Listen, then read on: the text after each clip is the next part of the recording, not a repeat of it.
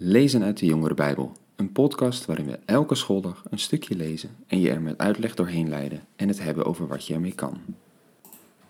Dag jongens en meiden, tof dat je weer luistert. We zijn deze week door het mooie verhaal van Jozef aan het gaan. En we hebben gezien hoe dit niet alleen maar het bekende mooie verhaal is, maar hoe het eigenlijk ook heel duidelijk over Jezus spreekt. Jozef, verkocht door zijn broers, wordt naar Egypte gevoerd. En dat verhaal gaat vandaag verder. We zijn ondertussen in hoofdstuk 39 van Genesis. En daar lezen we: Jozef was dus door de Ismaëlieten meegenomen naar Egypte. En daar was hij gekocht door, door Potifar, een Egyptenaar die tot de hovelingen van de farao behoorde en het bevel voerde over zijn lijfwacht. De Heer stond Jozef terzijde, zodat hij in alles slaagde. Hij werkte in het huis van zijn Egyptische meester. Omdat zijn meester zag dat de Heer Jozef terzijde stond en alles wat hij ter hand nam liet slagen, was hij Jozef goedgezind. Hij maakte hem tot zijn persoonlijke bediende, liet de gang van zaken in huis aan hem over en gaf hem het beheer over alles wat hij bezat. En vanaf het ogenblik dat hij hem belastte met het toezicht op zijn huis en zijn bezittingen, zegende de Heer het huis van die Egyptenaar, omwille van Jozef. De zegen van de Heer rustte op alles wat hij bezat, in huis en daarbuiten. Daarom vertrouwde hij alles volledig toe aan Jozef. Nu Jozef er was, bekommerde hij zich alleen nog om zijn eigen eten en drinken. Ja, als je dit verhaal van Jozef gaat lezen, dan is er een opvallend, uh, opvallend opvallende frase, een opvallend refrein, hoe je het ook wilt noemen, wat steeds terugkomt in het verhaal. En dat is dat de Heer Jozef bijstaat, hem helpt en ervoor zorgt dat hij in alles slaagt, dat het goed met hem gaat. In wat voor situatie Jozef zich ook bevindt, hij blijft op God vertrouwen, hij blijft trouw aan zijn principes en God op zijn beurt helpt Jozef om steeds opnieuw weer overeind te krabbelen, naar boven toe in alles wat er gebeurt. Want meerdere keren in het verhaal van Jozef wordt hij weer terug naar beneden geworpen. En zo ook in het verhaal uh, hoe het verder gaat bij Potifar. Want alles gaat Jozef voor de wind tot de vrouw van Potifar hem probeert te verleiden. Jozef blijft ook in dat moment God trouw. En hij zegt dat hij zoiets niet kan doen. Nou, het levert hem geen uh, integriteitsprijs op, prijs voor goed gedrag. Integendeel, hij wordt ervoor in de gevangenis gegooid. Maar ook daar lezen we dus weer dat hij opkrabbelt, dat God met hem is en hem helpt. Laten we daar maar iets over lezen, vanaf vers 20. Daar staat: Zo kwam Jozef in de gevangenis terecht, maar de Heer stond hem terzijde en bewees hem zijn goedheid, door ervoor te zorgen dat Jozef bij de gevangenbewaarder in gunst kwam. Deze gaf Jozef de verantwoordelijkheid voor alle gevangenen. Er gebeurde niets buiten hem om. De gevangenbewaarder had geen omkijken naar wat aan Jozef was toevertrouwd, omdat de Heer hem terzijde stond en alles wat Jozef ter hand nam liet slagen. Ja, ook hier zie je dus weer Jozef, die in de gevangenis was geworpen, weer beneden aan moest beginnen. Hij krabbelt omhoog.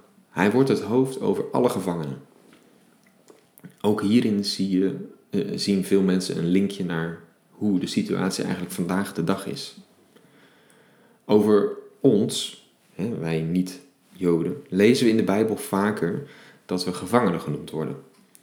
We waren ooit gevangenen in ons oude leven, het leven voordat we het geloof kenden. Onder alles waarmee de wereld aan ons strekt en wat ons van God afhoudt. En daaruit bevrijdt Jezus ons. Hij wordt ons hoofd en hij zorgt voor ons. En op zo'nzelfde manier zien veel mensen dus hier hoe Jozef het hoofd wordt over alle gevangenen en voor hen zorgt. En het verhaal in de, in de gevangenis gaat verder. Hè? Jullie kennen dat wel. Twee gevangenen die daar zitten de schenker en de bakker, die beide een droom dromen, die Jozef alleen voor hen kan uitleggen. Nou, en zo zeggen dus ook veel mensen eh, dat in onze dagen, in onze tijd, op dezelfde wijze er allemaal geheimen en voorzeggingen in de Bijbel worden gegeven die eh, eerder aan het volk Israël niet bekend werden gemaakt. die kunnen we ook lezen in het Nieuwe Testament. Daar worden allerlei stukjes eh, van de puzzel toegevoegd, waardoor we eigenlijk nog meer weten van hoe het in elkaar zit. Wat er uiteindelijk allemaal gaat gebeuren. Net zoals die dromen die komen en iets vertellen over wat er gaat gebeuren in de toekomst, die Jozef kan uitleggen. Nou, zo hebben we dus tot nu toe in het verhaal van Jozef iets gezien uh, over het verhaal uit de tijd van Jezus zelf, 2000 jaar geleden. Over hoe zijn broers, zijn volksgenoten hem niet herkenden, hem wilden doden en hem met een leugen lieten verdwijnen. En we hebben gezien dat het volgende deel van het verhaal verwijst naar hoe het vandaag de dag is, nu. En de rest van het verhaal van Jozef gaat dan ook weer verder. En dan niet over nu, maar over de toekomst. Apart eigenlijk. Dat je dus in dat verhaal van Jozef het verleden hebt, hoe het nu is en wat er in de toekomst nog gaat gebeuren. Allemaal in dat ene verhaal.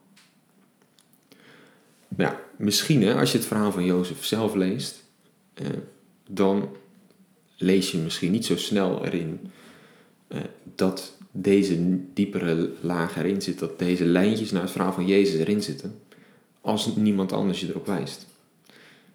Dat, dat is begrijpelijk. En dat is ook niet erg. Je hoeft uit de Bijbel ook niet alles helemaal zelf uit te vogelen. Dat is een van de voordelen dat God heeft bedacht. Dat mensen niet in een eentje geloven, maar bij elkaar horen in een gemeente, in een kerk. En dat ze elkaar kunnen helpen. Er zijn bepaalde mensen die dit allemaal uitvogelen, die hier goed over nadenken. En die mogen dat dan weer vertellen aan de andere gelovigen. Die mogen daarvan leren. En het is ook wel zo dat als je eenmaal een keer gehoord hebt dat die diepere laag erin zit, ja, dan herken je hem ook wel makkelijker. Ik denk, als je alle afleveringen van deze week hebt geluisterd en ik heb je alle lijntjes verteld naar het verhaal van Jezus, als je dan het verhaal zelf nog een keer zou lezen, dan herken je het er best wel makkelijker in. Nou, morgen gaan we verder kijken naar het volgende gedeelte van dit verhaal. En dan zien we dus hoe het verhaal van Jozef ook over de toekomst spreekt. Spannend. Tot dan.